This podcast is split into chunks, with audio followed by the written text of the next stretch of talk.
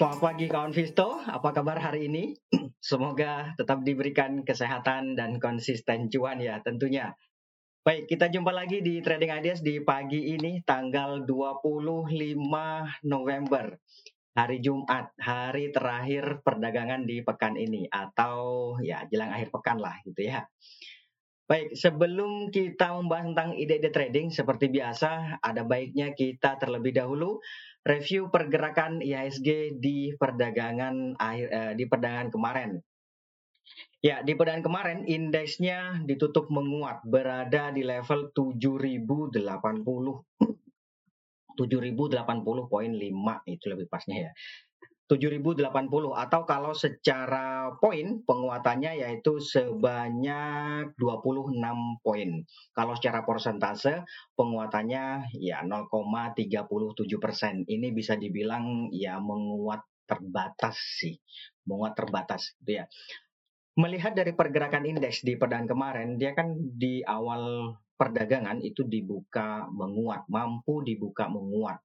Kemudian memang sempat muncul tekanan jual yang mencoba untuk menghambat laju penguatan indeks, tetapi pada akhirnya uh, sampai dengan sesi pertama indeks itu berada atau mengalami konsolidasi lebih pasnya, tetapi kecenderungannya tampaknya ada potensi cenderung untuk bergerak melemah. Jadi di perdagangan di perdagangan sesi pertama sendiri lebih ke konsolidasi, tapi kalau kecenderungannya sih cenderung menguat tetapi tekanan jualnya maksud saya. Tekanan jualnya tampaknya lebih kepada uh, apa namanya lebih mendominasi gitu ya daripada dorongan belinya meskipun dia berada pada kecenderungan menguat taunya dari mana? Cenderung menguat itu kan hanya karena opening price-nya lebih rendah dibandingkan dengan closing price-nya. Tetapi sepanjang perjalanan dia akan mengalami konsolidasi tapi konsolidasinya itu cenderung bergerak melemah. Gitu maksud saya. Oke mudah-mudahan bisa dipahami. Itu yang terjadi di sesi pertama di sesi kedua, tampaknya tekanan jual kembali lebih memberanikan diri untuk muncul, gitu ya. Lebih tampak di di sesi kedua, yaitu sebagaimana juga dilihat uh, bisa dilihat di gambar bahwa di sesi kedua itu dia tetap berada di teritori positif akan tetapi itu tadi tekanan jualnya tampaknya lebih mendominasi ya kan? Kecenderungannya cenderung melemah. Memang sudah benar-benar cenderung melemah kalau kalau uh, di sesi kedua kemarin. Itu. Nah sedikit berbeda dengan sesi pertama kan. Sesi kedua ini memang benar-benar cenderung melemah. Kalau secara keseluruhan gimana? Kalau secara keseluruhan indeksnya kemarin sama seperti sehari sebelumnya, meskipun berada di teritori positif, akan tetapi tampaknya cenderungnya cenderung bergerak melemah, ya kan? Uh, itu kelihatan sekali bahwa terjadi lower low dan terjadi lower high, ya nggak? Gitu teman-teman, ah, kawan Visto. Nah, baik dari penguatan yang terjadi di indeks di perdagangan kemarin itu, saham-saham apa saja sih yang uh, pada akhirnya membawa indeks untuk bergerak uh, menguat? Lima besar saham yang membawa indeks bergerak menguat di perdagangan kemarin. Yang pertama ada Bank BCA, kemudian ada Telkom, lalu ada Bank BRI, AMRT, dan terakhir ada MDKA. Itu dia lima besar saham yang mampu membawa indeks bergerak menguat. Sementara nih, lima besar saham yang mencoba untuk menghambat uh, laju penguatan indeks itu yang pertama ada Goto. Goto di bulan kemarin tampaknya menduduki ranking pertama mencoba untuk menghambat laju penguatan indeks. Kemudian disusul oleh Bian, lalu ada MTEK, kemudian ada Bumi, dan terakhir ada uh, eh, BRMS. Itu dia lima besar saham yang mencoba untuk menghambat laju penguatan indeks di perdagangan kemarin. nah, bagaimana dengan transaksi asing? Ya, asing sendiri di perdagangan kemarin cukup menarik karena dia mencatatkan net buy yaitu sebanyak 970 bio. Tapi itu uh, secara keseluruhan ya. 970 bio itu di market secara keseluruhan. Kalau kita uh, lebih rinci lagi, di perdagangan reguler sendiri, asingnya mencatatkan net buy yaitu sebanyak 381 bio. Ya nggak banyak banget sih, cuman ya lumayan lah. Ya, Sementara di perdagangan non regulernya, di perdagangan uh, nego, asingnya itu mencatatkan net buy cukup banyak, yaitu di 588 bio. Makanya kalau di total secara keseluruhan, net buy-nya sebanyak 970 bio. ya, itu dia uh, net buy asing. Nah, dari net buy asing yang terjadi di pasar reguler itu, saham-saham apa saja sih yang banyak dibeli oleh asing di perdagangan kemarin? Ya, lima besar saham yang banyak dibeli oleh asing di perdagangan kemarin yang pertama ada Bank BRI. BRI menduduki ranking pertama yang paling banyak dibeli oleh asing, kemudian disusul oleh Bank BCA. disusul oleh BCA, kemudian berikutnya ada Telkom, BNI, dan terakhir ada ITMG. Itu dia lima besar saham yang banyak dibeli oleh asing. Ya, tiga di antaranya adalah saham-saham uh, finance atau uh, perbankan gitu ya. Sebenarnya ada juga BP sih. BP juga termasuk salah satu yang banyak dibeli loh oleh asing di perdagangan kemarin. Tapi dia masuknya ke uh, 10 besar. BP, MDKA gitu itu. Lalu Astra juga gitu. Tapi masuknya ke 10 besar ya. Oke, itu dia lima besar saham yang banyak dibeli oleh asing, BRI, BCA, Telkom, BNI, dan ITMG. Nah, kemudian sebaliknya lima besar saham yang banyak dijual oleh asing di perang kemarin sama apa saja. Yang pertama adalah Bank Mandiri. Nyeleneh satu, Bank Mandiri. Kalau tadi teman-temannya ada BCA, BRI, BNI, dia net buy oleh asing. Nah, kemarin ternyata Mandiri malah mengalami tekanan jual dari asing. Mandiri kemudian disusul oleh Adaro Energi. Lalu ada juga Kalbe Farma, Antam, dan terakhir ada uh, eh, BP. Oh. BPII. Oke, itu dia lima besar saham yang uh, banyak dijual oleh asing. Sebenarnya termasuk juga ada TINS, ada Mika, gitu ya. Kemudian ada uh, Arto juga, tapi dia masuknya ke 10 besar. Tuh. Oke, itu dia uh, transaksi asing. Lalu bagaimana dengan outlook hari ini? Nah, oke, okay, ini dia. Sekarang kita ke outlook hari ini. Sebentar.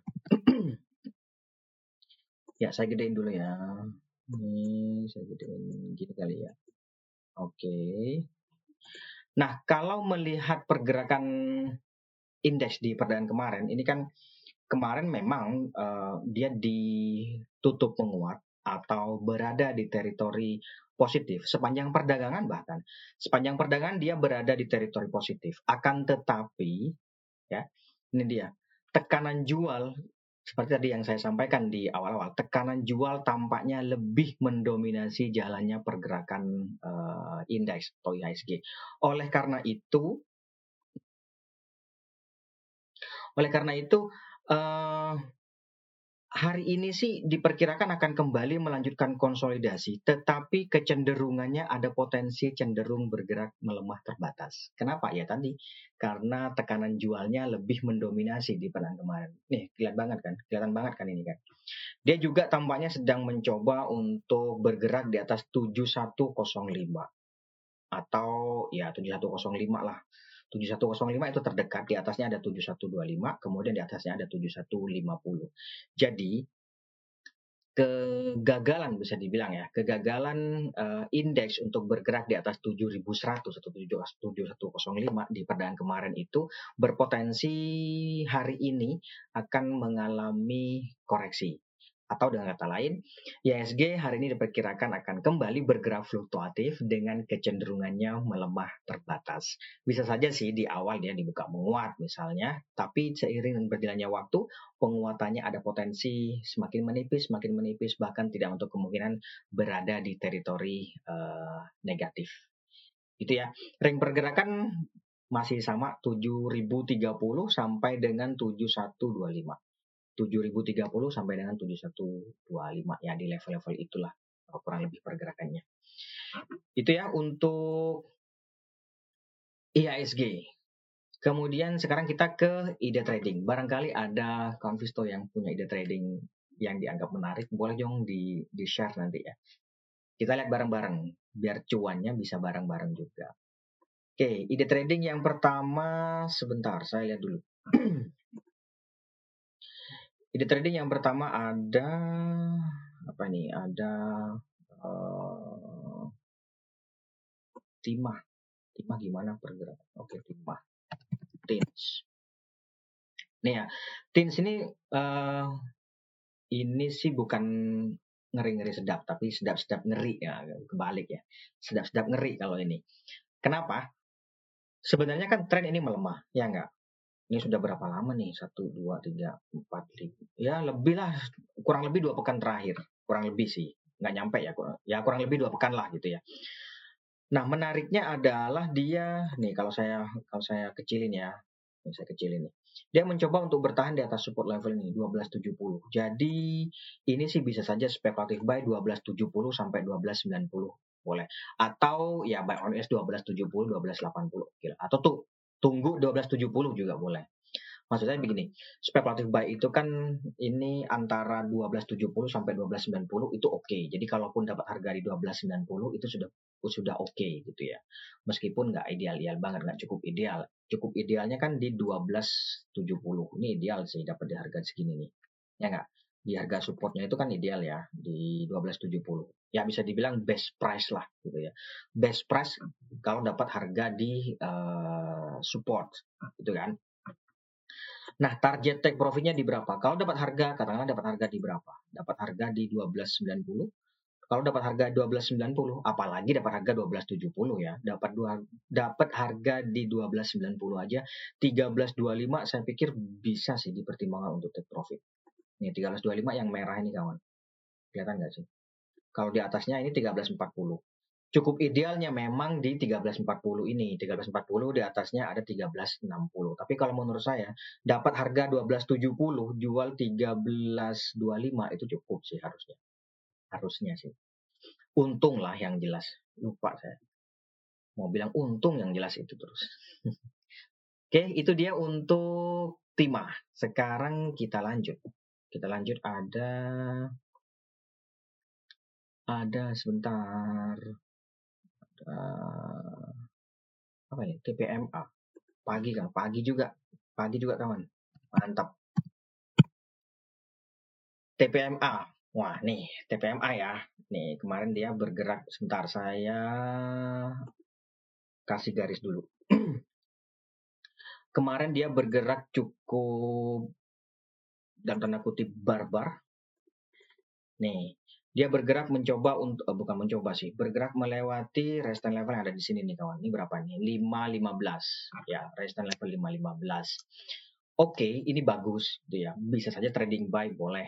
Akan tetapi seperti biasa, seperti biasa yang selalu saya sampaikan, kalau terjadi long white candle kayak gini nih, long white candle.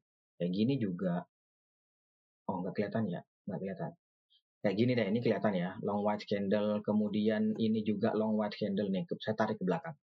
Ini long white candle ini long white candle ini long white candle. Benar nggak? Kalau terjadi long white candle seperti ini ada potensi dia mengalami pause. Nah kalau mengalami pause maka ada baiknya uh, uh, apa namanya tunggu di bawah. Apalagi misalnya nih hari ini dia open gap. Sekali lagi open gap itu nggak harus uh, open gap beda ya dengan gap up itu maksud saya. Jadi kalau open gap nanti dicari sendirilah daripada saya jelasin lama-lama nanti ya. Nah, kalau terjadi open gap mending tunggu di bawah saja. Ya di 515 oke okay. atau ya cukup tentu cukup idealnya adalah di level psikologis 500 bener nggak di sini nih. Tuh. Di situ kawan itu tentu cukup ideal karena itu kan level psikologis ya. 500 dapat harga di situ ya kalau dapat harga di situ jangankan ke apa namanya 550 525 closing kemarin aja itu sudah bisa sih dipertimbangkan untuk take profit ya nggak? Udah cuan sih. Oke itu dia untuk TPMA cukup menarik tetapi kalau dia dibukanya menguat di atas closing kemarin, which is itu berarti open gap, mending tunggu di bawah. Tapi kalau misalnya dibuka di 510, berarti kan dibukanya melemah. Atau dibukanya di 515, whatever lah. Kemudian dia bergerak menguat di atas 525, bisa saja sih ikutan trading buy. Atau ya confirmnya sih di atas 530. boleh sih ikutan uh, trading buy gitu ya. Nanti targetnya di berapa kalau dapat harga di atas 535? Misalnya ada yang nanya kayak gitu. Targetnya di sini kawan, cukup ideal di sini nih. Ini cukup tinggi sih, karena ya tadi cukup ideal 570. Kalau paling dekatnya itu di 545. Cukup nggak? Kayaknya nggak cukup ya. Ya lumayan lah di sini 570 bolehlah 570. Jadi kalau misalnya naik di atas 530 dengan dukungan volume yang tinggi 535, wah banyak 535 nih. Oke, okay, good. 5 atau 540 ya, oke okay lah. Nanti jualnya 570, cukup sih harusnya. Ya enggak? Di sini 570 kawan.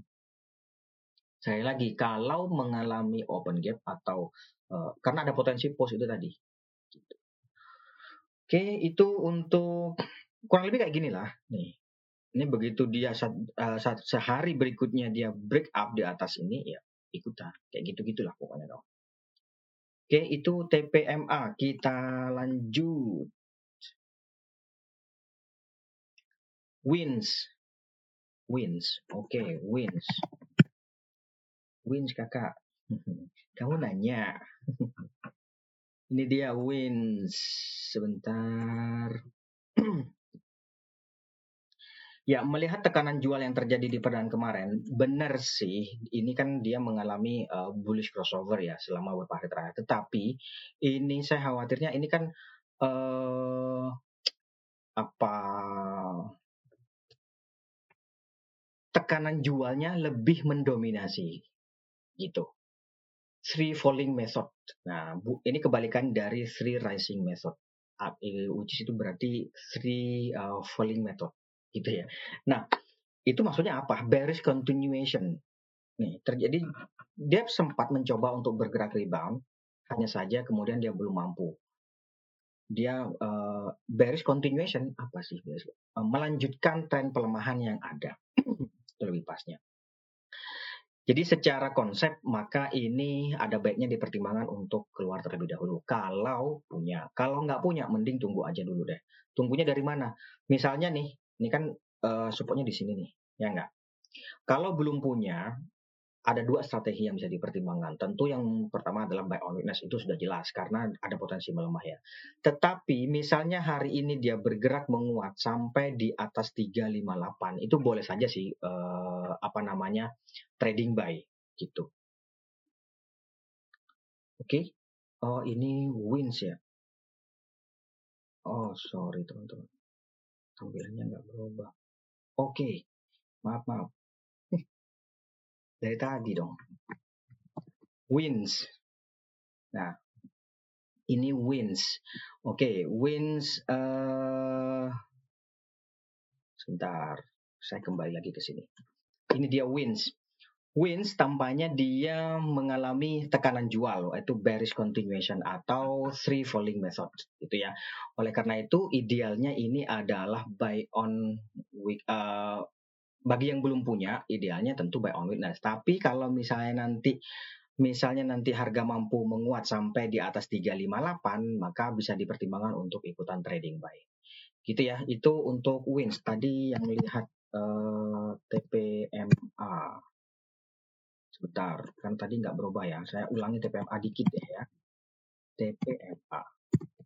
Nah, TPMA ada baiknya dipertimbangkan untuk uh, lihat terlebih dahulu. Tentu kalau open gap, ya open gap misalnya di sini, nah ini uh, mending tunggu di bawah, gitu. Karena seperti biasa, kalau terjadi long white candle seperti ini, dia akan mengalami pause. Long white candle pause lagi. Begitu nanti dia harga bergerak di atas ini nih, di atas setidaknya di atas uh, eh, 525 lah. Misalnya nih hari ini dibuka melemah di 515, kemudian dia bergerak naik di atas 525 atau di atas 530, boleh dipertimbangkan untuk trading. Buy, targetnya nanti 570 di sini kawan. Gitu ya. Oke, itu untuk TPMA kita lanjut lagi. Kita lanjut lagi. Ada uh, eh, BBHI ya seperti biasa BBHI ya. Sebentar. BBHI eh, oke okay, ini dia BBHI ya saya gedein dulu BBHI Nah, ini pas banget sih uji support ya yang ada di uh, berapa ini? 3 2270. 2270. Kemarin sempat nggak uji? Ya, kemarin sempat uji 2270. Terendahnya kemarin 2270. Nah, bisa saja sih spekulatif buy. Cuman kalau melihat tekanan jual yang terjadi selama sepekan terakhir nih ya. Nih, ini kan tekanan jualnya lebih mendominasi, benar nggak? Dari mana tahunya tekanan jual lebih mendominasi? Muncul uh, uh, long shadow, apa sih? Uh, tail atau ya can jarum ke atasnya inilah gampangnya gitu deh. Jarum yang ke atas atas ini, ya kan?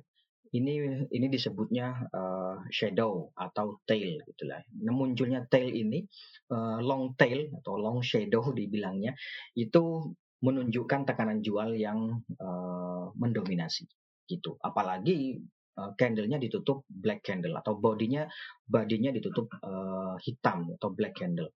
Nah, berarti itu semakin mengonfirmasi bahwa tekanan jual lebih mendominasi. Itu kawan-kawan.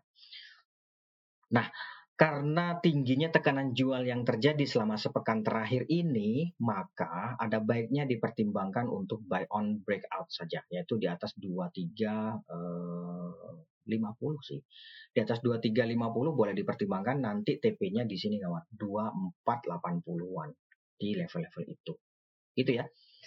Itu untuk BBHI.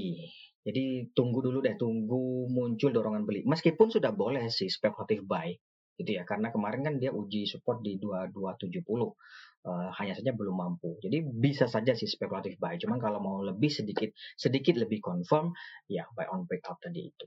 Oke okay? itu BBHI kita lanjut. Ada IPCC oke ini dia IPCC sebentar ya.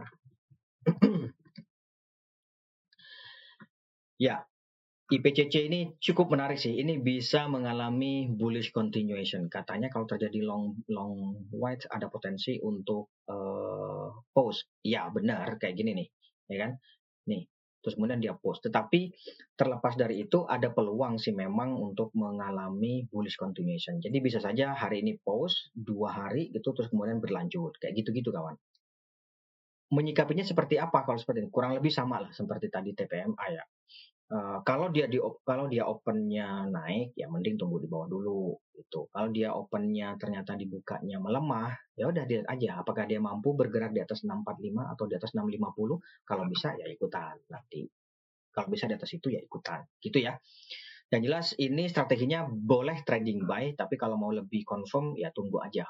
Buy on witness lah gitu ya tapi sebenarnya sudah boleh trading buy. Ingat kalau trading buy berarti risikonya sudah lebih tinggi dibandingkan dengan potensial return. Nanti target take profitnya di berapa? Ini 675 di sini kawan. 675. Oke. Okay? Itu untuk IPCC. Kemudian berikutnya saudaranya IPCM. Ya, ini dia saudara. Hmm. IPCM Ya, kurang lebih dia mengalami konsolidasi sih. Nih. Ya enggak? Di sini kan. Jadi buy on breakout di atas ini sih. Di atas ini minta berapa nih? Ini 292. Di atas 292 peluangnya ke mana? Sini 300. Cukup nggak? Kalau cukup boleh lah trading buy nanti. Gitu. Tapi di atas 292 ya. Kalau masih di bawah itu, saya khawatirnya dia akan mengalami uh, melanjutkan konsolidasi di sini nih, 280, 290. 280 290. Jadi nanti kalau 280 boleh ikutan spekulatif buy nanti jatuhnya. Gitu ya. Kalau harga 280. Itu. Oke, itu untuk IPCM. Kemudian sekarang ke Goto. Goto sebentar. Nah, Goto di perdagangan juga kembali ditutup melemah. Jadi setelah ceritanya cukup menarik ya secara teknikal cukup menarik. Karena dia setelah gagal melewati EMA 50 nih dia konsisten mengalami pelemahan atau tekanan jual. Nah potensinya kalau kayak gini ini uh, ada potensi ke sini. Ya nggak sih? Idealnya kan 182 nih. Buy on weakness di sinilah ini berapa ini? Ya 183 180 180 sampai 183 idealnya buy on weakness di situ. Atau kalau misalnya hari ini dia bergerak menguat di atas 193 boleh sih ikutan spekulatif buy. Setidaknya di atas 190 deh gitu ya. Nanti target take profitnya di berapa? Ya level psikologis 200 boleh gitu. Oke, itu untuk Goto. Kemudian berikutnya ada Bumi. Bumi. Sebentar. Oke, ini dia Bumi. Ya, bumi ternyata belum mampu untuk melewati resistance level yang ada di 195 atau level psikologis 200. Jadi saya pikir ini kalau ada yang punya, ada baiknya dipertimbangkan untuk take profit terlebih dahulu. Dengan kondisi seperti ini, maka idealnya adalah buy on breakout di atas 200. Tanggung sih kalau di atas 195, ya nggak? Kalau di atas 195, jual 200 mau nggak? Kalau kalau itu dinilai layak, ya boleh saja gitu ya. Tapi menurut saya mending tunggu confirm di atas 200 saja. Atau sekalian ya nunggu di bawah. Supaya di berapa? 174 di sini nih.